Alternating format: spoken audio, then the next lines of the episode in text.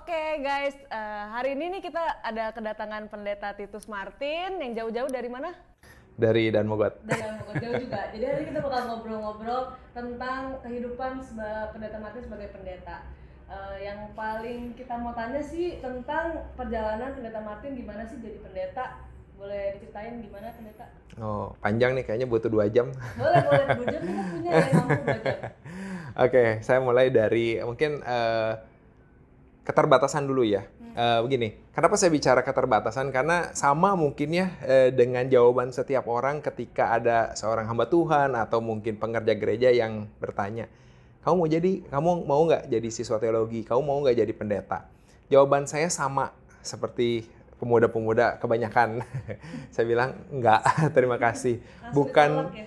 bukan panggilan saya. Saya saya ngomong benar se- seperti itu ya.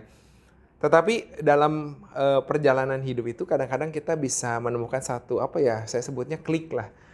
Klik di mana sadar bahwa sebenarnya hidup kita itu tidak cukup kalau kita hanya pakai sekarang doang gitu. Itu gitu aja maksudnya. Iya, eh, hanya mikirin yang fisik gitu ya.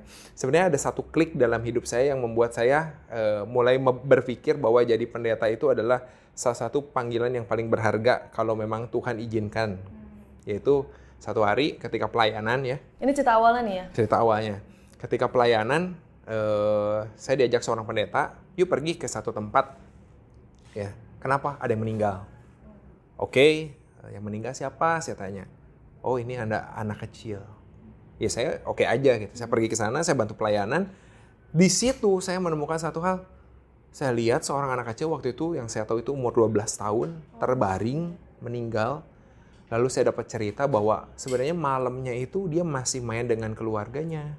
Dia masih ngobrol, tapi sampai satu titik dia akhirnya bisa menghembuskan nafas. Di situ adalah klik saya.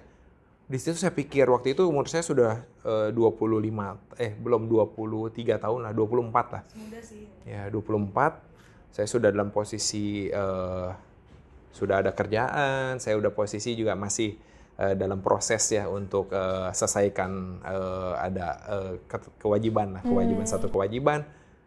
Tapi di situ saya akhirnya berpikir, eh kalau saya dipanggil Tuhan ya gimana? Hmm. Dan itulah klik saya. Sehingga tadinya tawaran-tawaran yang eh, jadi pendeta saya tolak, mulai jadi satu pertimbangan kalau memang Tuhan izinkan saya mau melangkah. Hmm, tapi bener-bener pikirannya langsung ya udah jadi pendeta deh. Kan sebenarnya pelayanan tuh banyak kan ya. Bisa jadi diaken juga atau bisa jadi apa gitu yang lain. Sebelum klik itu saya sudah berpikir itu. Pelayanan tuh banyak sebenarnya. Pelayanan itu banyak. Bahkan saya sudah berpikir untuk jadi majelis salah satu cabang gereja. Karena waktu itu saya kuliah di satu cabang gereja. Kemudian saya sudah nyaman di situ. Saya sudah menghitung-hitung untuk biaya untuk kehidupan saya. Saya mau jadi majelis di situ. Itu sudah pikiran saya. Dan saya berjanji dengan dua orang teman saya. Dan mereka melaksanakan itu. Mereka jadi itu majelis di situ. Nggak sampai sekarang sih periodenya udah lewat. Mereka jadi majelis di situ. Saya tidak. Saya jadi mahasiswa teologi. Beda jurusan. ya tadinya terpikir itu. Tapi ya itu kembali. Eh, kalau saya pikir itu kalau bisa bisa ambil pelayanan yang memang kalau Tuhan izinkan adalah yang yang menurut saya waktu itu adalah paling berharga yaitu melayani Tuhan menjadi hamba Tuhan saya mau ambil itu dulu. Kalau Tuhan izinkan saya mau ambil. Ya kalau Tuhan izinkan saya mau mau coba itu. Nah kalau memang memang tidak di situ jalan saya paling tidak saya sudah bisa mempertanggungjawabkan sama Tuhan. Tuhan saya sudah coba tapi ternyata eh, bukan di sini. Saya mau ambil yang Tuhan sediakan untuk saya berikutnya. Terus taunya punya iman ya udah deh kayaknya jadi pendeta kan maksudnya jadi pendeta tuh pengorbanannya banyak ya harus ngorbanin ini itu ABCD EFG belum lagi kalau masih muda mikirin pacar percintaan kayaknya susah banget bisa mikir kayak gitu gimana gitu pendeta eh ya memang nggak mudah ya. Tetapi saya pernah ngobrol dengan seorang pemuda, dia tanya juga hal yang sama. Apa bedanya sih jadi pendeta dengan jadi orang biasa? Saya hanya bilang seperti ini. Kalau jadi orang biasa harus menyisihkan waktu dari kesibukannya untuk melayani Tuhan. Kalau jadi pendeta mungkin harus menyisihkan waktu dari pelayanannya seluruh hidupnya untuk melakukan hal-hal yang duniawi di balik. Ya. ya, dan memang ini adalah tantangan sebenarnya. Tetapi kalau dipikir lagi ya, kalau kita pikir umur kita itu kan nggak seberapa ya. kapan saja Tuhan bisa panggil. Nah, cuman kalau kita memikirkan hal ke depan, ya lebih baik kalau kita suka nabung. Ini adalah salah satu langkah kita untuk kehidupan nantinya. Saya sih waktu itu berpikir, ya sudahlah, ya apalagi yang kita mau cari. Ya walaupun masih muda banyak keinginan, tapi saya pikir ikut Tuhan, Tuhan itu adalah Tuhan yang bisa memberikan apa pun untuk kita. Kenapa kita harus khawatir gitu? Susah banget pendeta kayak sekarang aja mikir kalau misalnya nih aku ya, misalnya besok aku disuruh Tuhan panggil, aku bakal mikir, aduh, aku belum punya anak, aku belum pernah ngerasain ini itu, kok bisa ngelepasin perasaan sebagai manusia, no, uh, sebagai manusia awam gitu untuk bisa mikir ke sana. Oke, okay. nah pandangannya mungkin harus diubah sedikit. Ketika jadi pendeta bukan berarti tidak bisa melakukan banyak hal sebenarnya. Cuman adalah fokus kita adalah untuk melayani Tuhan. Apakah pendeta tidak boleh berkeluarga? Boleh itu masih boleh ya. Saya juga punya anak dua, anak-anak kalau.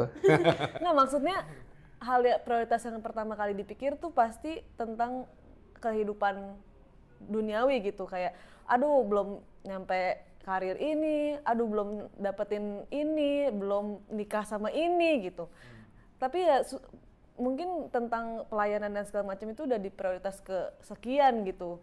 Gimana bisa se-selfless itu untuk bisa ya udah deh pokoknya Tuhan nomor satu susah banget gitu pendeta ya nggak sih sebagai kita mau ngutamain orang tua aja tuh susah banget dibandingin apa yang kita suka ini Tuhan yang definisinya kita nggak bisa lihat kita nggak bisa tahu dia di mana tapi bisa kayak gitu mengalahkan diri itu memang adalah tantangan yang uh, menjadi tantangan utama sih ya kalau kita mau melayani Tuhan dan banyak hal dalam uh, dalam keegoan kita itu yang sebenarnya lebih dominan daripada melayani Tuhan. Saya ambil satu contoh ya.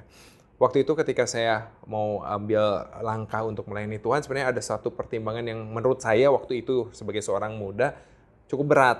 Hmm. Ya, bukan masalah di keluarga ya. Walaupun keluarga saya memang waktu itu belum memang belum percaya Tuhan. Bukan masalah di situ saya bisa hadapi itu karena saya tahu saya saya bersama-sama dengan Tuhan. Tapi ketika memang kita lihat Tuhan buka jalan ya dan kita mau ambil langkah itu, memang kita harus berani berkorban. Tapi karena kita punya kelemahan, kita harus serahin sama Tuhan. Saya pada waktu itu saya berdoa sama Tuhan. Tuhan tolong, saya punya kelemahan ini, saya punya kes, keterbatasan ini. Saya berat sekali kalau misalnya jadi pendeta, tetapi saya masih punya kebiasaan ini yang menggantungi saya gitu, membebani saya. Unik sih jadi pendeta iya. yang komik ya, Alkitab. Masa saya harus bawa Alkitab bergambar gitu ya? ya, tetapi di situ saya berdoa dan begitu masuk sekolah teologi itu Tuhan benar-benar hilangkan hasrat ya. Kalau itu kan passionnya benar-benar untuk baca komik tiap hari itu ada gitu. Tuhan hilangkan tuh passion itu. Kok bisa gitu pendeta ya? Itulah kuasa Tuhan. Maksudnya ada orang yang juga berdoa sekian lama Tuhan masih nggak jawab gitu. Tapi ya apa kiat-kiatnya gitu untuk uh, doa dijawab Tuhan secara konkret gitu pendeta misalnya kayak doa setiap hari dua jam setiap minggu harus ngapain coba pendeta kira-kira karena ya, lama-lama it's gimana ya frustrated juga gitu dan lama-lama jadi udah ya udah bohwat nggak mau doa lagi gitu misalnya kalau kita ya anak muda uh, mungkin mindsetnya aja yang harus diubah bahwa ketika kita doa kita mohon kepada Tuhan itu otoritas Tuhan jawabnya kapan kita itu bagaikan orang yang minta ke orang tua kita. Pah, saya mau minta ini deh. Kalau kita benar-benar menganggap yang kita minta itu berharga, kita nggak bakal berhenti kapan pun. Yakin. Apalagi misalnya kita nggak bisa penuhin sendiri kan ya, kita harus minta ke orang tua kita. Itu berharga, saya akan minta terus, saya akan minta terus, saya akan minta terus. Tapi kan ada omongan gini pendeta, oh Tuhan tahu apa yang kita mau, tapi anehnya kita harus meminta gitu ya? Ya, karena kan di situ sebenarnya kan e, doa itu kan sebenarnya komunikasi ya untuk menyatakan hubungan kita dengan Tuhan. Tuhan tahu, Tuhan melihat hati kita kok. Ya, tetapi sebagai anak sangat-sangat pantas kalau kita memohon kan. Hmm. Kita harus lihat posisi kita ya, kita tidak memaksa Tuhan, kita tidak menyuruh Tuhan, kita memohon. Karena kita percaya hubungan kita dengan Tuhan itu adalah anak dan bapak. Hmm. Kita anaknya ya secara sopan pun manusia pun pasti akan minta kan, sebenarnya memohon kepada dia. Itu ada satu hal yang wajar lah kalau secara manusiawi kita bisa lakukan, masa kepada Tuhan kita tidak. Walaupun Tuhan tahu. Ketika kita minta ya, bukan itu tuh yang Tuhan kasih, tapi itu pasti yang terbaik. Nah itu tuh yang yang bingung juga gitu pendeta. Kita berdoa terus, Tuhan nggak jawab nih, tapi kita harus terus memohon. Tapi Tuhan akan kasih yang terbaik gitu. Jadi dengan mindset Tuhan pasti kasih yang terbaik. Apakah kita harus tetap memohon karena kita tahu Tuhan pasti kasih yang terbaik gitu. Iya. Benar nggak sih pendeta? Enggak ya? Mungkin untuk aku sih yang aku aku aku personally ya kayak bingung. Misalnya Ah. aku mau kerja A atau B nih. Hmm. Apakah aku harus terus terus mohon ke Tuhan? Aku mau A, tapi aku tahu Tuhan pasti siapkan yang terbaik gitu. Hmm. Apakah aku harus tetap mohon? Oke. Nah, selain kita berdoa, kita kita harus percaya Tuhan beri yang terbaik. Kita juga kan punya panduan sebenarnya. Panduannya itu adalah firman Tuhan, ya. Dan kita bisa memba- kita bisa bertanya dan lain-lain kepada orang-orang yang kita anggap bisa memberikan nasihat-nasihat sebenarnya ya.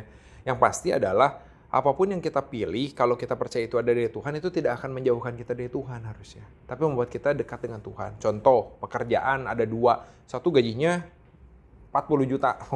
Satu gajinya mungkin 10 juta. Tapi yang 40 juta itu mengharuskan kita kerja hari Sabtu. Kemudian kita tidak punya waktu lagi untuk melayani Tuhan. Bahkan bukan untuk melayani Tuhan, untuk hidup kita aja kayaknya waktunya nggak cukup. Karena itu memang mengharuskan kita bekerja begini, demikian luar biasa keras. Nah kita coba timbang saja secara pribadi. ya Kalau itu menjauhkan kita dari Tuhan, masa sih Tuhan berikan jalan seperti itu? Ya, mungkin dengan gaji yang lebih kecil, tapi kita tetap bisa melayani Tuhan, bahkan kita bisa menjadi berkat untuk tempat kerja kita ya, karena kita masih punya kesempatan untuk memberitakan eh, tentang Tuhan Yesus, ya kita ambillah itu sebenarnya. Ya, memang semua berharap eh, hidup itu bisa lebih baik kan ya, Eh, tetapi balik lagi ya, kalau kita hanya mikirin secara yang duniawi, yang duniawi itu akan hilang, akan lenyap, apalagi kalau kita kembali kepada Tuhan ya. Nah, yang berikutnya itu yang akan lebih penting. Ya mungkin mindset itu yang mulai coba diterapkan ya. Memang nggak mudah, saya yakin. Banyak keinginan lah ya. Eh, Semua pasti punya keinginan. Pasti apalagi kalau masih muda kayak Ya. ya umur-umur produktif gitu ya. Nah itu pikiran itu tuh pendeta. Nah. Pikiran itu pendeta. Kadang membingungkan. Ya, saya dulu berpandangan ya, saya tidak punya pandangan untuk jadi pendeta sama sekali. Kenapa? Memang pada dasarnya saya itu orangnya pemalu. Saya itu nggak bisa bicara dengan orang. Saya, maksud gini, saya itu kalau persona ngomong ya eh, sesuatu yang serius, kalau bercanda sih bisa. Kalau sesuatu yang serius, itu tuh saya akan gagap, ya. akan keringetan. Jadi ngomongnya tuh nggak jelas gitu. Saya saya berpikir kenapa? Aduh saya itu memang begini orangnya nih pemalu juga ya. Kalau misalnya saya jadi pendeta, apakah mungkin gitu ya? Memang nggak ada basic, kayaknya sih nggak punya talenta gitu ya. Tetapi ya udah, eh, bagi Tuhan tidak ada hal yang mustahil untuk mengubah itu semua. Sehingga saya pun akhirnya di, diarahkan Tuhan melalui jalan Tuhan yang tadinya nggak pernah kepikiran. Saya juga punya banyak keinginan gitu ya. Pengennya adalah ini, ini, ini, tapi Tuhan arahkan. Caranya ada bagaimana? Saya harus kuliah meninggalkan keluarga saya. Cukup jauh. Dulu waktu masih saya kuliah perjalanan itu minimal satu hari dari kota asal saya. Hah? Pendeta jurusannya. Saya jurusan juga ekonomi. Oh, oh saya SMA itu saya IPA. wow. Coba ya dari Wow. IPA eh, karena Tuhan arahkan saya masuk ekonomi lagi yang saya harus belajar lagi nggak tahu. Tapi ternyata di situ saya menemukan satu hal bagaimana Tuhan membentuk saya untuk jadi pribadi yang lebih berani, lebih bisa bicara. Karena saya akhirnya menemukan satu jurusan yaitu yang saya tertarik sekali itu marketing. Di ekonomi itu ada Oh, marketing dan ngobrol ya? mengharuskan kita presentasi, harus nanti bikin studi kelayakan usaha, harus Berarti pinter jualan pendeta ya? Eh, enggak juga sih karena belum terjun langsung ya. Tapi paling enggak ilmu-ilmunya dapat dan ketika ya, ada praktek-praktek di kuliahan di perkuliahan itu bisa dan itu ternyata membentuk saya akhirnya jadi lebih berani bisa bicara. Dan ketika akhirnya sekarang ya kita flashback ke belakang oh jalan Tuhan ya supaya ya memperlengkapi saya ya. Saya tidak mampu tapi Tuhan kasih kemampuan itu. Pendeta kepikiran nggak sih kan sekarang pendeta ini udah jadi pendeta. Kalau Hmm. misalnya nggak jadi pendeta, pendeta mikirnya bakal jadi apa gitu. Kalau nggak jadi pendeta jadi apa gitu? Mungkin jadi bisnismen atau nggak jadi misalnya kerja apa gitu. Iya. Ketika saya kecil saya pengen jadi astronot. ketika pertama besar lagi ketika saya mulai suka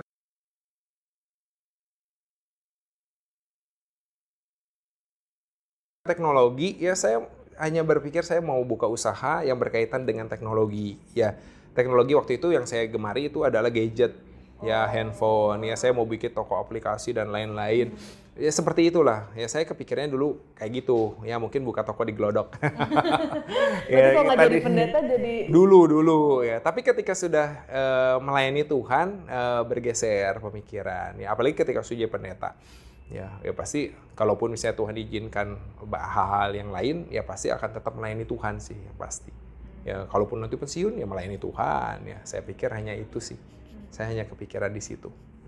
Terus kalau dari istri sendiri gimana tuh pendeta? Apanya ya? Gimana uh, sampai sekarang pernah nggak sih ada uh, istri pendeta tuh sempat kayak aduh coba nggak jadi pendeta gitu. Atau enggak kayak uh, aduh uh, berharapnya keadaan tuh beda loh gitu. Oh, Kenapa? Karena istri saya juga berdoa. Oh ya? gini, dia dia itu ber, uh, gini, uh, dia itu ingin uh, Tuhan berikan pasangan ya kurang lebih ya, hmm. saya memparafrasekan yaitu uh, yang takut akan Tuhan seperti sebelum itu. Menikah. Sebelum menikah, ya dia ingin yang seperti itu takut dengan Tuhan ya eh ternyata dia berdoa begitu dikasihnya pendeta langsung ya benar-benar semuanya bisa gitu ya bisa gitu ya sebelumnya istri pendeta udah pernah pacaran belum sama orang gereja juga sama orang gereja juga ada orang gereja eh, terus juga ada eh eh saya nggak tahu ya orang gereja tapi yang terakhir itu uh, memang ada sedikit tantangan ya uh, dengan bukan gereja tapi uh, mau dibawa gitu ya. Maksud gini, syaratnya adalah ya deket lah ada yang deket terus Syaratnya harus ke gereja. Hmm. Untuk kenal Tuhan ya, bukan karena untuk jadi sama dia, tapi untuk kenal Tuhan karena dia ingin bawa ingin bawa kepada Tuhan hmm. gitu. Tapi diberikan waktu ternyata ya tidak dekat-dekat dengan Tuhan ya iya. udah karena kan sayang sekali dia juga berpikiran sangat baik menurut ya, menurut saya sayang sekali kalau kita dari kecil udah di dalam Tuhan lalu akhirnya meninggalkan Tuhan hanya karena pasangan pasangan itu berarti dia nggak pernah mikir berarti dia selama ini selalu mikir ya udah ini jalan terbaik, hidup terbaik gitu ya? Ya, ya begitulah. Paling yang suka pindah-pindah, yang repot-repot kayak gitu, selalu ada panggilan, ditanya orang aneh-aneh, ini tuh, ini tuh. Berarti istri pendeta selalu apa-apa gitu ya? Ya, kalau untuk melayani Tuhan, saya pernah rapat sampai jam setengah 12 malam pulang. dia bilang untuk dia bilang untung untung pendeta. Jadi kalau bukan pendeta katanya oh, sampai setengah dua belas ngapain kamu? Ya tapi dia tahu dia paham uh, apa yang saya lakukan ya ya pelayanan yang saya lakukan sehingga dia sangat mendukung. Ya dia dia adalah wanita yang Tuhan sediakan. Wey, makanya cari pendeta ya guys. Tapi pernah pendeta kayak istri pendeta tuh emang pendeta tuh kesehariannya tuh gimana sih? Pernah gak sih istri pendeta tuh bilang kayak bawa-bawa Tuhan mau bawa uh, ya keseharian kita pasti selalu bergantung sama Tuhan. Setiap kali kita uh, aktivitas sehari-hari pun ya selalu. Kalau kita bangun dua pagi kan karena kita ikut juga. Terus kita juga ada jam-jam doa. Ya memang itu adalah komitmen kita. Karena kita memang tahu kita kalau jalani kehidupan tidak mengandalkan uh, Tuhan itu pasti berat. Hmm. ya karena kan uh, saya pelayanan dia juga harus banyak uh, fokus untuk uh, mengasuh anak-anak ya. Dan kadang kala ya memang saya tidak bisa uh, berada di sisinya gitu ya. Ketika dia menghadapi kendala-kendala dua kali dia melahirkan saya tidak ada di sisinya. Bukan bukan uh, tapi saya datang gitu ya. Tapi datangnya itu adalah ketika dia sudah melalui masa-masa yang beratnya. Oh ya yang banyak menemani itu justru pendeta-pendeta yang lain yang bertugas di cabang itu gitu ya. Saya berterima kasih kepada para pendeta yang menemani istri saya. iya karena saya waktu itu ketika istri saya melahirkan kan rata-rata istri saya orang Sukabumi dia melahirkan di Sukabumi. Saya itu waktu itu bertugas sedang di Jawa Tengah saya bertugas sedang di Jakarta. Ya yang butuh waktu ketika dia eh, anak kedua itu pecah ketuban di malam-malam itu saya nggak bisa langsung gitu ya eh, ada proses perjalanan dan lain-lain dia dibantu oleh keluarga, dibantu oleh eh, ada hamba Tuhan yang nemani hmm. gitu ya. Saya bersyukur ya banyak yang memperhatikan itu dan saya yakin tuh karena ya Tuhan yang sediakan karena saya melayani Tuhan, bukan saya jalan-jalan, saya jalan-jalan lalu dia melahirkan ya itu beda ya. Ini saya sedang melayani Tuhan. Tapi nyesel nggak sih pendeta? Ada nyesel nggak kayak aduh jadi kehilangan momen itu gitu kan pasti ada ada perasaan aduh itu kan sekali seumur hidup kelewatan uh, gitu tidak sih uh, bukan karena saya uh, tidak mau uh, ikuti prosesnya ya hmm. tapi saya lebih berpikir kepada uh, bagaimana Tuhan yang menjaga kalau saya yang gini saya meninggalkan tugas pelayanan saya demi istri saya uh, saya berpikir lebih baik saya tetap melayani Tuhan, tapi Tuhan yang akan menjaga gitu loh. Ya lebih aman ya, karena Tuhan yang jaga ya bukan saya. Iya, kalau iya sih, tapi perempuan kalau aku jadi misalnya aku nih sekarang, mungkin aku marah kayak gila udah ngelahirin susah, capek, ini anak lu juga gitu ya. Lo kagak ada iya, gitu ya. kagak ada bisa-bisanya gitu.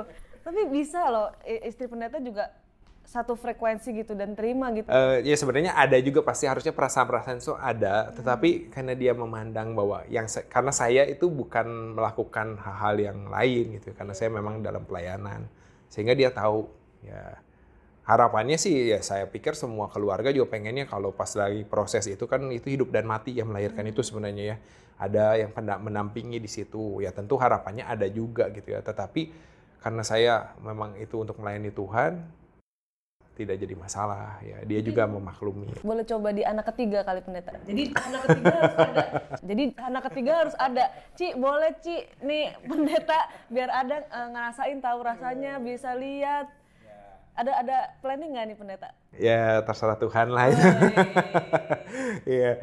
eh, tapi kalau dia melahirkan di Sukabumi ya saya tugas di Jakarta ya sama juga Tapi nggak rencana istri dibawa ke sini juga pendeta? Uh, enggak, istri memang ikut saya. Tapi kalau ketika akan melahirkan biasanya dia akan oh, pulang. Oh, Karena kan ada mertua ya. Kan akan akan lebih bisa bantu menjaga sebenarnya ya. Karena kan saya tetap harus melakukan aktivitas saya sebagai hamba Tuhan ya. Uh, jadi rata-rata dia ikut, tapi ketika mendekati bulan-bulan kelahiran yang masih aman, dia akan pulang ke Sukabumi gitu ya. Dan saya juga tahu ya kekurangan saya. Takutnya saya tidak bisa menjaga uh, secara ini ya saya minta tolong kepada hmm. mertua. Dan mertua saya ya puji Tuhan sangat baik gitu ya. Mm -hmm. gitu. Terus sekarang anak pendeta berapa? Dua ya berarti? Dua dua. Berapa? yang satu tuh enam tahun. Hmm. ya yang satu lagi masih dua tahun.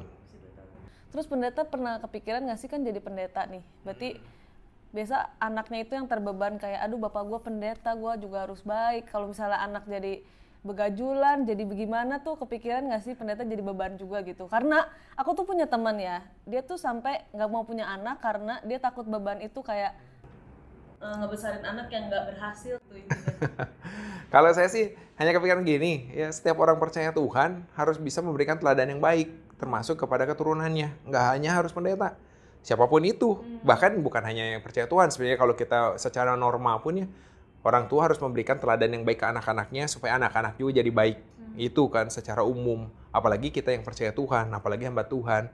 Dan itu tidak jadi beban sih sebenarnya buat saya. Justru malah kalau anak saya dengan usia yang sangat muda bisa jadi teladan. Itu kan yang dikatakan dalam satu Timotius kan.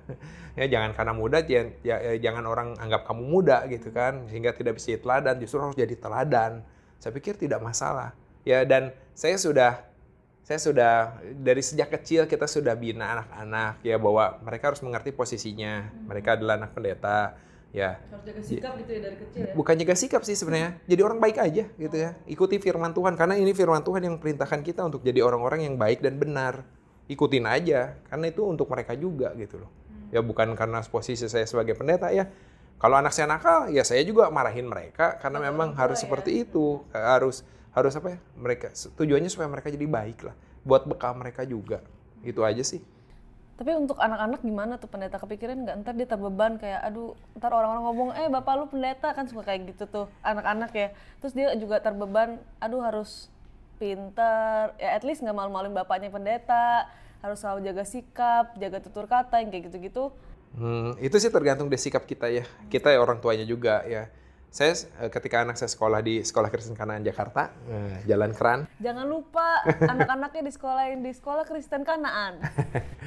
ya, di Kanaan Jakarta, saya ada bicara sama kepala sekolah, sama gurunya, saya bilang gini, kalau anak saya nakal, tidak apa-apa, berikan saja eh, teguran-teguran yang sesuai. Saya tidak tidak maksud nggak boleh anak pendeta itu pasti baik enggak ya dan saya pun menyadari kemungkinan anak saya nakal tuh ada namanya juga masih anak-anak iya. anak-anak. Tapi jangan sampai anak nakal dibiarin. Hmm. ya kita harus tetap beri bimbingan. Dan saya coba praktekkan itu uh, dengan kebiasaan sehari-hari. Contoh misalnya makan itu harus di meja makan duduk.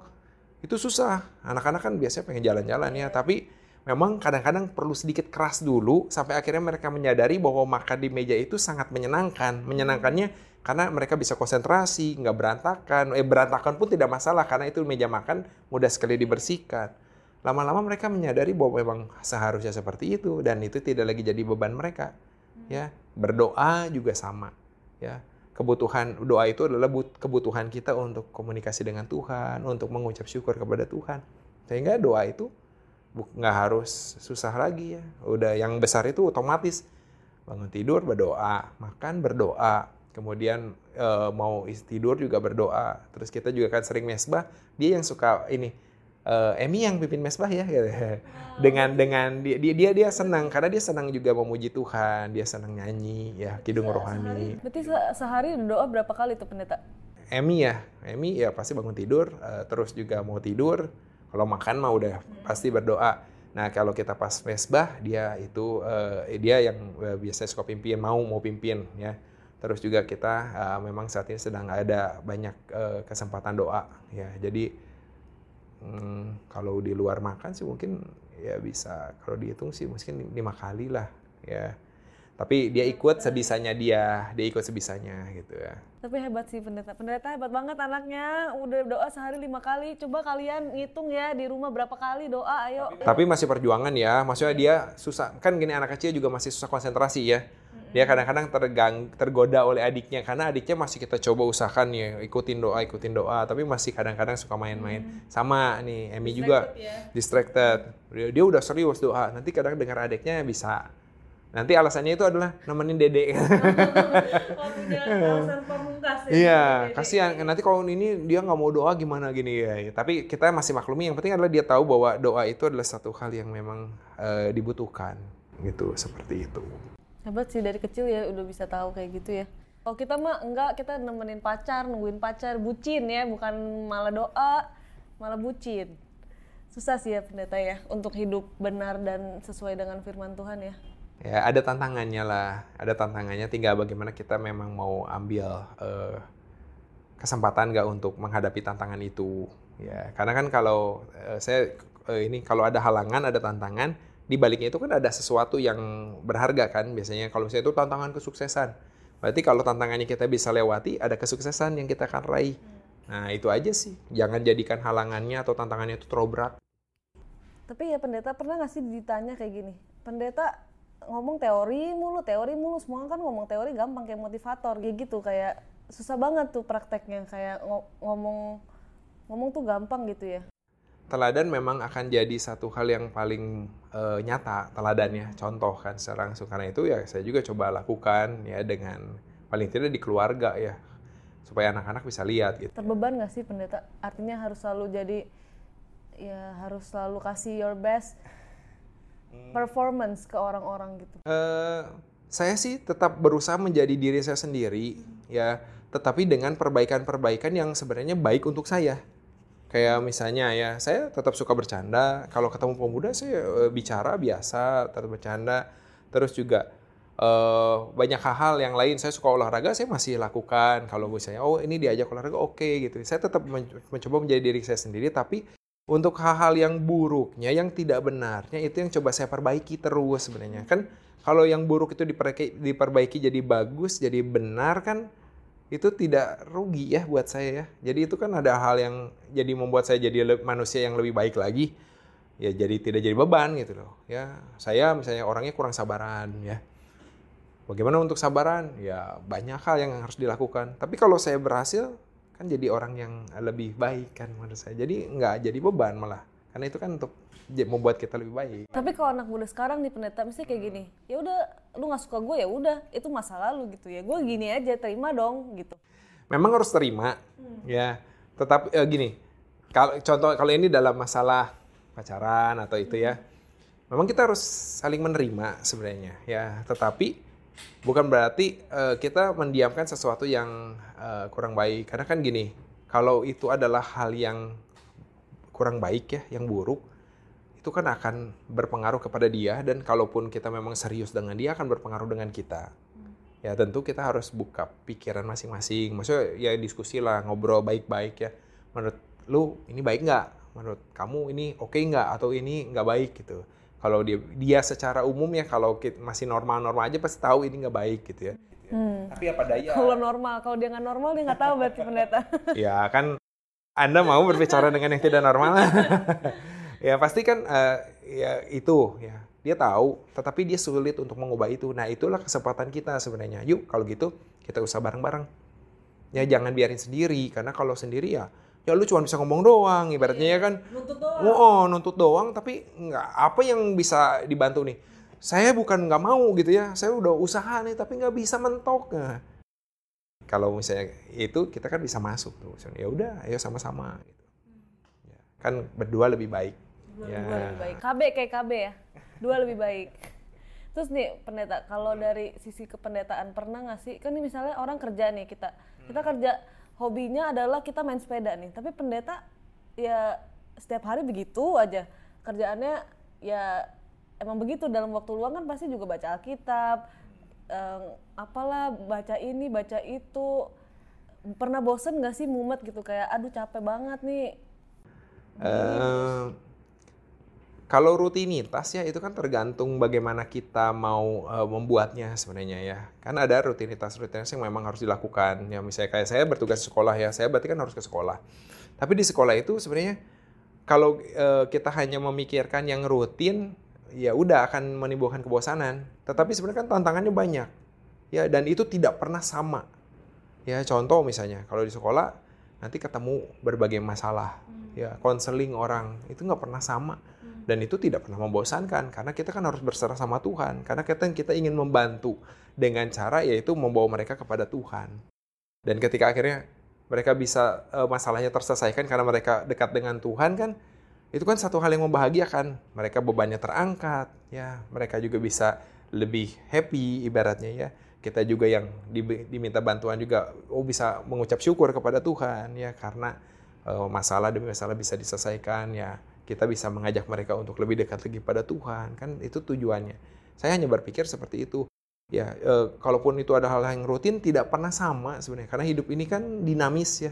Tidak pernah e, berhenti e, tidak pernah diam ya. Sehingga walaupun kayak gini setiap hari doa pagi bosen nggak? Dalam doa pagi itu banyak hal yang menarik. Ya entah kita yang bawakan entah orang lain yang bawakan. Karena firman Tuhan kan itu bahas firman Tuhan itu selalu beda. Saya membahas kejadian pasal 1 itu udah sering gitu ya tentang banyak hal penciptaan gitu ya. Tapi itu selalu kalau kita baca renungkan itu bisa beda-beda terus. Kemarin seminar Alkitab malam pendeta Timotius yang bawakan ya, ya bagi rekan-rekan di Jabotabek ada seminar Alkitab malam pendeta Timotius setiap jam 8 malam itu pembahasan pasal 1 itu bervariasi lagi, lebih berkembang lagi, menarik sekali. Wah, dari firman Tuhan itu hidup jadi nggak bosan, nggak pernah bosan sebenarnya. Tapi doa itu membosankan tahu pendeta. Ini sebagai pemuda ya, aku personally nggak bukan bosan sih, tapi karena bentuknya kita doa dalam hati, terus kita harus fokus gitu. Dan doain hal yang sama. Bisa sih doain hal yang lain ngalor ngidul bisa juga. Cuma untuk dilakukan kayak terus-terusan bosen gitu pendeta. Enggak ya? Untuk dari sisi pendeta enggak gitu ya? Eh gini, karena kan ini secara teori dulu ya. Saya eh, ini waktu itu brother Daniel Chu pernah share ke kita ya. Kalau doa itu sebenarnya kita mulai bisa konsentrasi setelah berapa lama sih? Ya, setelah 10 menit katanya ya. Eh, coba deh.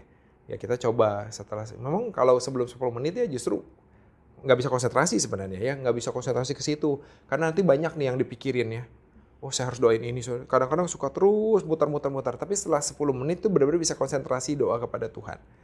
Ya, apa saja sih yang doakan? Sebenarnya mudah kalau kita mau lihat kedua Bapak kami kan ada beberapa hal aja. Satu kan satu mengagungkan nama Tuhan dulu. Ya, artinya kita menyadari keagungan Tuhan itu dulu. Dan dari ketika menyadari keagungan Tuhan kan setiap hari kita bisa lihat itu. Kita kan gini, pernah bosan gak nulis diary? Kalau suka nulis diary ya, yang kalau nggak tahu orang-orang zaman dulu kali ya suka. Mereka itu tiap hari bisa nulis tuh. Dan itu nggak pernah bosan karena mereka nuangkan, menuangkan pengalaman sehari itu di dalam diary mereka untuk mereka bisa baca lagi dan nanti bisa oh flashback oh seperti itu.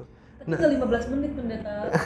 eh nulis diary itu lebih lama loh. Oh, iya. Karena satu harian itu dituangkan kembali. Hmm. Nah, ketika kita berdoa kepada Tuhan kan sebenarnya kita bisa menuangkan itu ya. Satu hari ini saya, ke, gitu ya, keagungan Tuhan. Tuhan itu di mana?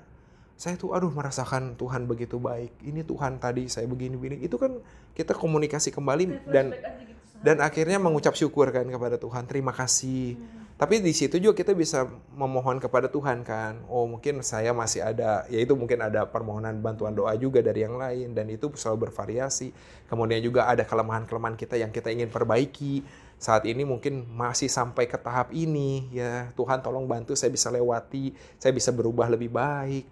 Kan uh, untuk membangun diri kita juga kan ketika kita doa dalam bahasa roh juga kan. Mungkin pikiran kita yang berdoa kepada Tuhan. Jadi uh, asal yaitu kalau dari sisi saya sih ya kita tahu untuk apa doa kita. Ya oh untuk ini untuk ini. Maka itu tidak akan pernah jadi bosan. Apalagi saat ini saya sedang dalam satu kondisi sedang doakan orang gitu ya. Ya saya akan doakan terus. Walaupun ucapan kok sama terus tapi doakan sampai ya memang Tuhan buka jalan untuk untuk doa ini gitu loh. Ya dan jalannya kan bisa macam-macam ya. Yang penting adalah kita terus berdoa pagi ngomongin itu pendeta. Malam do ngomongin itu lagi kan iya. Jadi ya gitu aja gitu ya. Emang harus tahan. Harus bukan Ya, tahan ya? ibaratnya- ya ibaratnya kayak gini. Kalau kita ada sesuatu yang mau ya terus kita kan berusaha sampai dapat kan ya biasanya ya. Ya ini juga sama doa juga ya. Sampai dapat tapi bukan yang kita sesuai ke pi- pikiran kita. Sampai sesuai dengan yang Tuhan beri yang Tuhan berikan yang terbaik itu. Ya itu ya jadi akhirnya kita fight terus. Sama lah kalau sekarang kan banyak yang suka main game ya. Oh biasanya pengen capai sampai apa ya namanya level mungkin ya. Dia akan pagi siang sore malam kalinya untuk sampai ke level itu. Nah kenapa untuk doa? Tidak gitu loh ya. Kalau untuk yang dunia kita bisa ya untuk doa. Apalagi doa itu doa itu kan maksudnya mudah sekali ya. Itu hubungan personal kita dengan Tuhan ibaratnya. Kalau ibaratnya dengan waktu sedikit kosong pun kita bisa doa sebenarnya kan. Di mana pun kita bisa doa gitu Oke deh, ini pertanyaan terakhir nih ya. Sebagai pendeta nih, eh, boleh ceritain nggak hal yang eh, paling nggak disukain jadi pendeta tuh apa? Kayak the worst side of being a priest. Saya nggak suka nih kalau jadi pendeta, saya suka diginiin orang atau enggak? Saya nggak suka nih pas ini begini gitu. Uh, bukan gak disukai ya, tapi tantangan terbesar mungkin kalau saya ambil ya adalah uh, kita benar-benar harus uh, ketika berkhotbah ataupun kita menasehati sebenarnya kita itu mendapat tusukan lebih pertama. Ibaratnya pedang itu bermata dua ya. Ketika kita mau nasihatin orang lain, ketika kita mau uh, berkhotbah, misalnya, oh saya mau berkhotbah tentang jadi orang yang sabar, itu tadi pendeta udah tusuk-tusuk kali Iya. ceritanya. itu itu kan kita berarti kita yang karena kita yang mempersiapkan khotbah kita mempersiapkan yang kita mau omongin apa itu kan sebenarnya kita yang merenungkan dulu kan. Itu sebenarnya menusuk kita dulu sebenarnya. Kamu sudah belum? Kamu sudah belum? Aduh saya belum.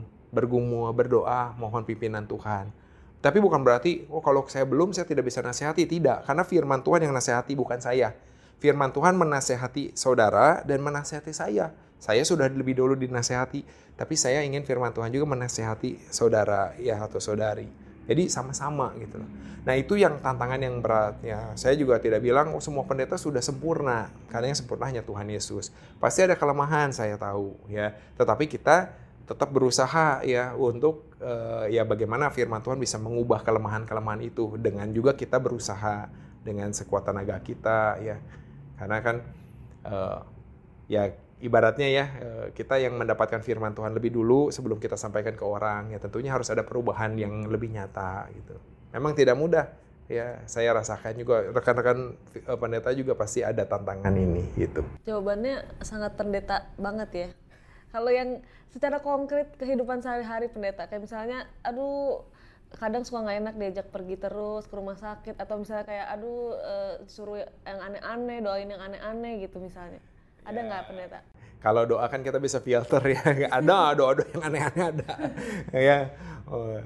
Eh, tetapi eh, yang yang mungkin agak-agak eh, kurang enak itu adalah kalau diajak jemaat pergi untuk misalnya kayak makan atau apa itu itu nggak enak hati sebenarnya ya, Eh, karena kan eh, itu kebaikan hati daripada jemaat kadang-kadang. Tapi kita sendiri juga kan nggak enak. Maksudnya nggak enaknya adalah eh, kita nggak tahu kondisinya dia bagaimana. Apakah dia benar eh, jangan-jangan maksain. Karena saya pernah menemui juga kadang-kadang ada yang memaksakan karena ada pendeta dipaksain lah diada-adain itu kan kita juga tidak ingin gitu ya.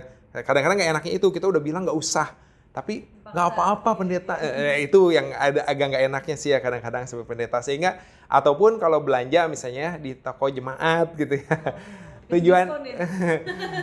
mending kalau dikasih diskon. Kalau dikasih gitu ya. Tujuannya ya, tujuannya kan eh, kita mau membantu gitu. Kan oh saya tahu jemaat saya jualan. Kenapa saya harus beli di orang lain saya bantu aja ngelarisin ibaratnya gitu ya ya udah saya beli di dia tapi kadang-kadang nggak mau oh pendeta nggak usah nah itu yang bikin kita agak berat Tapi itu mindset kita pendeta. Kalau kita membantu pendeta tuh kesannya kita dapat pahala gitu. Jadi kita, iya nggak sih? Iya nggak? Coba dijawab. iya, maksudnya kita bantuin pendeta tuh kita ngerasa, oh iya kita udah bantuin hamba Tuhan nih, kita merasa senang gitu. Jadi ya sekali dua kali sih nggak apa-apa. Tapi kalau keseringan kan kitanya yang jadi nggak enak. Karena kan kita tahu maksudnya itu kan ada modal ada apa kan. Kalau sampai diberikan semua kan itu kan berarti mengambil modalnya juga.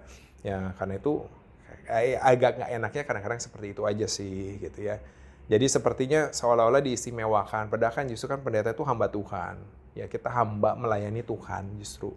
Ya seorang hamba kan harusnya ya sama lah ya kita semua hamba Tuhan kan kita melayani Tuhan itu sih harusnya ya, itu pandangan saya ya seorang pendeta itu yang nggak harus diistimewakan sebenarnya ya tapi sama-sama aja terakhir banget nih pendeta, terakhir banget. Boleh ceritain nggak mukjizat terbesar yang pernah pendeta alami di hidupnya? Kayak mungkin Tuhan pernah langsung berbicara atau nggak Tuhan pernah menampakkan diri? Ada nggak pendeta yang benar-benar pendeta ngerasa gila Tuhan hebat banget gitu? mungkin luput dari lubang jarum melalui lubang jarum wah contoh ya eh, ini sebenarnya pengalaman untuk masuk ke dalam eh, eh, mengambil pilihan untuk jadi pendeta juga sih ya waktu itu saya dalam satu kondisi ya di mana eh, saya itu udah ke, ke ibaratnya gini nggak ada jalan untuk saya jadi pendeta ya nggak ada jalan Maksudnya apa tuh? Udah doa tapi nggak stuck gitu? Waktu itu saya eh, sempat menunda kuliah saya sebenarnya ya karena saya bekerja. Waktu itu kan memang ada satu kondisi di mana kondisi keluarga itu eh, usaha drop dan lain-lain sehingga akhirnya saya putuskan saya stop dulu. Ya saya nggak konsentrasi ke ke kuliah, saya konsentrasi ke kerja ya ke kerja. Nah, tetapi ketika itu kan akhirnya terus berlanjut sampai akhirnya eh, ada panggilan dari eh, kampus kan, misalnya, ayo dong di diinin lagi, oke. Nah, ketika itu eh, karena saya sudah kerja, saya sudah punya penghasilan, saya jadi bisa ya, oke. Nah, ketika saya selesaikan, ternyata ada satu kondisi saya itu nggak bisa ujian, nggak bisa sidang skripsi. Kenapa tuh? Bukan karena nilai saya jelek, bukan karena saya tidak bayar, karena ada perubahan kurikulum. Dan saya Nah, bukan ada perubahan kurikulum itu saya nggak ikut perubahannya. Ketika ada perubahan kurikulum, saya pakai kurikulum yang lama. Ya menurut penjelasan daripada dosen saya begitu. Sehingga kalau mau tunggu semester depan. Semester depan ten- eh, waktu itu memang eh, saya akhirnya kan karena saya tunda-tunda-tunda, akhirnya habis tuh masa kuliah saya. Semester depan itu saya harus masuk sebagai mahasiswa baru Ulang lagi tuh. ulang lagi. Waduh, paling nggak bayarnya ulang lagi kan. Sedangkan untuk bayar jadi mahasiswa baru itu pasti mahal gitu kan. Waduh, saya di situ udah hopeless gitu ya. Terus saya berdoa sama Tuhan. Tuhan, tolong saya. Ya waktu itu saya sudah ambil eh, posisi eh, saya mau eh, menetapkan hati kalau Tuhan izinkan saya mau jadi hamba Tuhan gitu ya. Tapi saya nggak mau ninggalin kuliah saya. Artinya gini, kalau saya ninggalin kuliah saya lalu saya masuk jadi pendeta, ya ma- maaf aja ya, tapi sepertinya jadi pelarian gitu loh. Jadi jadi pendeta itu oh karena kamu nggak lulus kuliah jadi pendeta, saya nggak mau itu. Tapi kan saya mau selesaikan, ya. Setelah itu saya masuk sebagai pendeta gitu ya. Oh, Nah di situ saya benar-benar pergumulan karena saya datang nggak bisa harus tunggu semester depan gitu kan. Sedangkan itu eh, perkuliahan di eh, STT juga sudah mau akan mulai gitu ya nggak bisa gitu ya. Aduh, saya berdoa sama Tuhan. Ya saya bergumul pada Tuhan. Sampai usahanya apa? Ya saya usaha setiap hari datang ke kampus gitu ya. Ke TU. Ngapain? Nggak tahu sebenarnya cuma duduk aja. saya pikir ya siapa tahu kalau misalnya saya bisa ketemu siapa orang ke TU, saya ngobrol bisa nggak ada ini ada ini. Selalu saya tanya nggak bisa, nggak ada harus tunggu semester depan. Sampai suatu hari ada seorang ibu, saya tuh nggak pernah diajar sama orang ibu ini nih. Tapi saya tahu, do- tapi dia dosen kaprokdi juga. Ya. Terus dia tanya, kamu kenapa setiap hari ke sini? Gitu. Dia mulai annoyed kan? Eh, ngapain nih orang ini datang terus saya langsung cerita begini bu, oh ya masuk deh ke ruangan, masuk dia ternyata kaprokdi ya, kepala program diploma eh, studi, akhirnya kayak ngobrol. Saya ceritakan semua, saya ada kendala, saya tidak bisa eh, sidang. Oh, kenapa? Kamu nilainya jelek? Saya bilang enggak, IP saya masih di atas tiga, saya bilang. kamu nggak pernah bayar? Enggak, administrasi saya lancar. Terus saya bilang karena ada masalah di kurikulum, saya nggak ikut. Terus dia cek berkas saya, dia lihat, terus akhirnya dia hanya bilang begini nih, saya ambil berkas kamu, kamu banyak berdoa, nanti pada waktunya pengumuman apakah kamu bisa sidang atau enggak, kamu datang. Gitu, dia gak janjiin apa-apa. Dia cuma bilang begitu. Tapi jadi ada harapan lah ya. Tapi saya jadi ada harapan karena kan sebelumnya harus tunggu semester depan gitu ya. Ya udah, saya kasih aja, saya persiapin untuk sidang. Saya berdoa sama Tuhan pada hari sidang, nama saya muncul. Wow. Aduh luar biasa. Ikuti sidang, ya ada revisi tapi akhirnya bisa lulus. Setelah lulus saya harus segera masuk STT. Nah yang kedua adalah saya berdoa, eh, ada tantangan berikutnya adalah orang tua saya nggak izinin, khususnya papa saya. Bener-bener nentang atau? Nggak boleh. Ya, karena dia bilang kalau kamu mau jadi pendeta kenapa harus kuliah dulu? Jadi aja pendeta dari dulu gitu loh. Harus ngabisin waktu kuliah dulu nih, kamu harus gini. Sekarang waktunya kamu bantu adik kamu lah, bantu keluarga gitu. Nah itu besoknya saya harus pergi, malamnya papa masih belum kasih Tapi izin. udah daftar berarti tuh. Udah daftar, udah keterima. Oh. Besoknya harus kan itu ada proses berlanjut tuh setelah itu. Terus eh, besoknya harus pergi masuk STT, malamnya itu masih nggak boleh. Berarti pas daftar nggak izin dulu pendeta? Nggak. Oh berarti nekat tuh ya? Iya, karena saya merasa saya sudah dewasa, saya sudah punya KTP, saya sudah bisa memutuskan hidup saya. Saya cuma bilang ke papa saya akhirnya begini, malam itu, papa saya naik ke lantai dua, dia nggak, eh, saya ajak ngobrol kan di lantai satu, dia nggak setuju, dia pergi ke lantai dua, terus saya naik ke atas, saya bilang "Se- seperti ini sih papa. Dulu ketika saya kuliah, saya ikuti kemauan orang tua sebenarnya. Karena saya IPA, suruhnya masuk IPS, saya ikuti. Tapi ternyata ada jalan Tuhan di sana. Maka saya mengucap syukur. Saya ikuti kemauan orang tua. Saya sudah tuntaskan, saya sudah selesai. Saat ini saya mau ambil pilihan saya, saya bilang. Saya ingin jadi hamba Tuhan. Kalau Tuhan izinkan saya mau jadi hamba Tuhan, saya mau ikuti jalan ini. Saya hanya bilang itu. Ya, papa saya nggak respon apa-apa. Diem aja tuh. Saya ke bawah, saya bicara sama mama gimana. Lalu mama saya bilang, ya udah, siap-siap aja, pergi aja. Pergi aja. Posisinya orang tua belum jemaat tuh ya? Belum belum percaya Tuhan. Oh. Ya. Eh, ya udah kamu pergi aja kata mama. Ketika bilang gitu, tapi saya masih ganjel, saya nggak enak, belum dapat izin dari papa gitu. Saya berdoa. Besok pagi ketika saya mau pergi, siap-siap waktu itu saya pergi dari Cianjur tuh bareng pendeta Silas. Kita naik bus ke Bandung karena itu. Eh, papa saya turun. Ya, terus terus saya duduk sini. Wah, saya pikir saya mau dipukulin. oh, karena dia nggak nggak ngomong apa. Ya, duduk sini. Aduh, saya udah ya Tuhan tolong gitu ya. Iya, saya duduk. Kau benar mau jadi pendeta? Iya, Pak. Diem aja. Aduh, saya Tuhan tolong Tuhan. Kiri juga bergumul kali ya? Iya. Terus akhirnya saya bilang, eh terus saya papa bilang, tapi harus serius. Aduh di situ saya langsung, aduh lemas gitu ya lututnya. Wah, akhirnya dapat izin. Padahal saya tahu papa saya, kalau dia bilang enggak ya enggak. Orang keras. Susah, nggak bisa diubah gitu ya. Bisa ya pendeta? Saya nggak tahu, tapi saya berdoa sama Tuhan. Kalau memang jalan, saya bilang, saya berdoa Tuhan kalau memang jalan Tuhan, ya Tuhan bukalah jalan gitu ya. Saya selama ini melayani juga ikut ikut jalan Tuhan. Pokoknya kalau Tuhan izinkan, saya melangkah ke situ, saya akan melangkah ke situ. Kalau Dan- misalnya, kalau misalnya saat itu Papa Pendeta bilang enggak, artinya menurut pendeta itu bukan jalan Tuhan atau pendeta bakal tetap jalan? eh karena mama saya eh, sebelah kan ini yang 50-50 ini, mama saya izinin gitu ya. Tapi paling saya akan akan ikut itu dengan ganjelan aja sih. Tapi saya akan jalani ya. Karena ada orang tua saya yang masih izinin gitu kan. Nah, tapi nanti ketika itu saya akan terus bergumul, saya akan terus berdoa supaya dapatkan izin papa itu. Gitu ya. Dan saya yakin kalau misalnya memang jalan Tuhan tidak di situ, ya pasti akan ada ada hal yang lain yang Tuhan sediakan untuk saya. Ya mungkin dalam perjalanannya jadi eh, perjalanan jadi pendeta itu mungkin ada hal-hal tertentu yang membuat saya tidak bisa jadi pendeta, yaitu saya yakin itu berarti Tuhan sediakan jalan yang lain seperti itu. Saya hanya bergantung pada itu saja sih. Ya, tapi karena mama masih izinin, saya sebenarnya udah niat untuk pergi, tapi ketika papa izinin, saya udah benar-benar positif, saya pasti pergi gitu. Satu ya. Hari H malah. Hari H, hari H itu pagi-pagi benar sebelum berangkat. Gitu. Boleh diikutin ya kayak sistem kebut semalam. Langsung izin.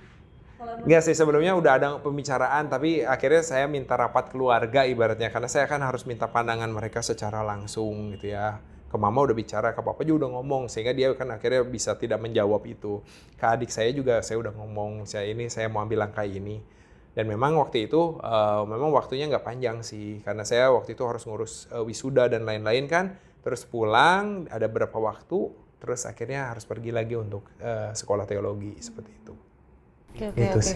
Very inspiring ya guys. Ada ada mau penutup nggak pendeta mau ngomong apa nggak? Uh, pakailah kesempatan yang Tuhan berikan selama kesempatan itu masih ada. Ya, jangan biarkan itu berlalu dan justru nanti akan menambah tantangan-tantangan yang kita mau tantangan tantangan-tantangan untuk kita ikuti jalan Tuhan. Ya, selama Tuhan masih buka itu kesempatan yang pertama, kesempatan yang terbaik itu ambil, jangan sia-siakan karena Tuhan pasti akan pimpin dan sertai hidup kita. Amin. Oke okay guys, itu dia okay, ya. kita hari ini. Jangan lupa like, comment, and subscribe. See you. Bye.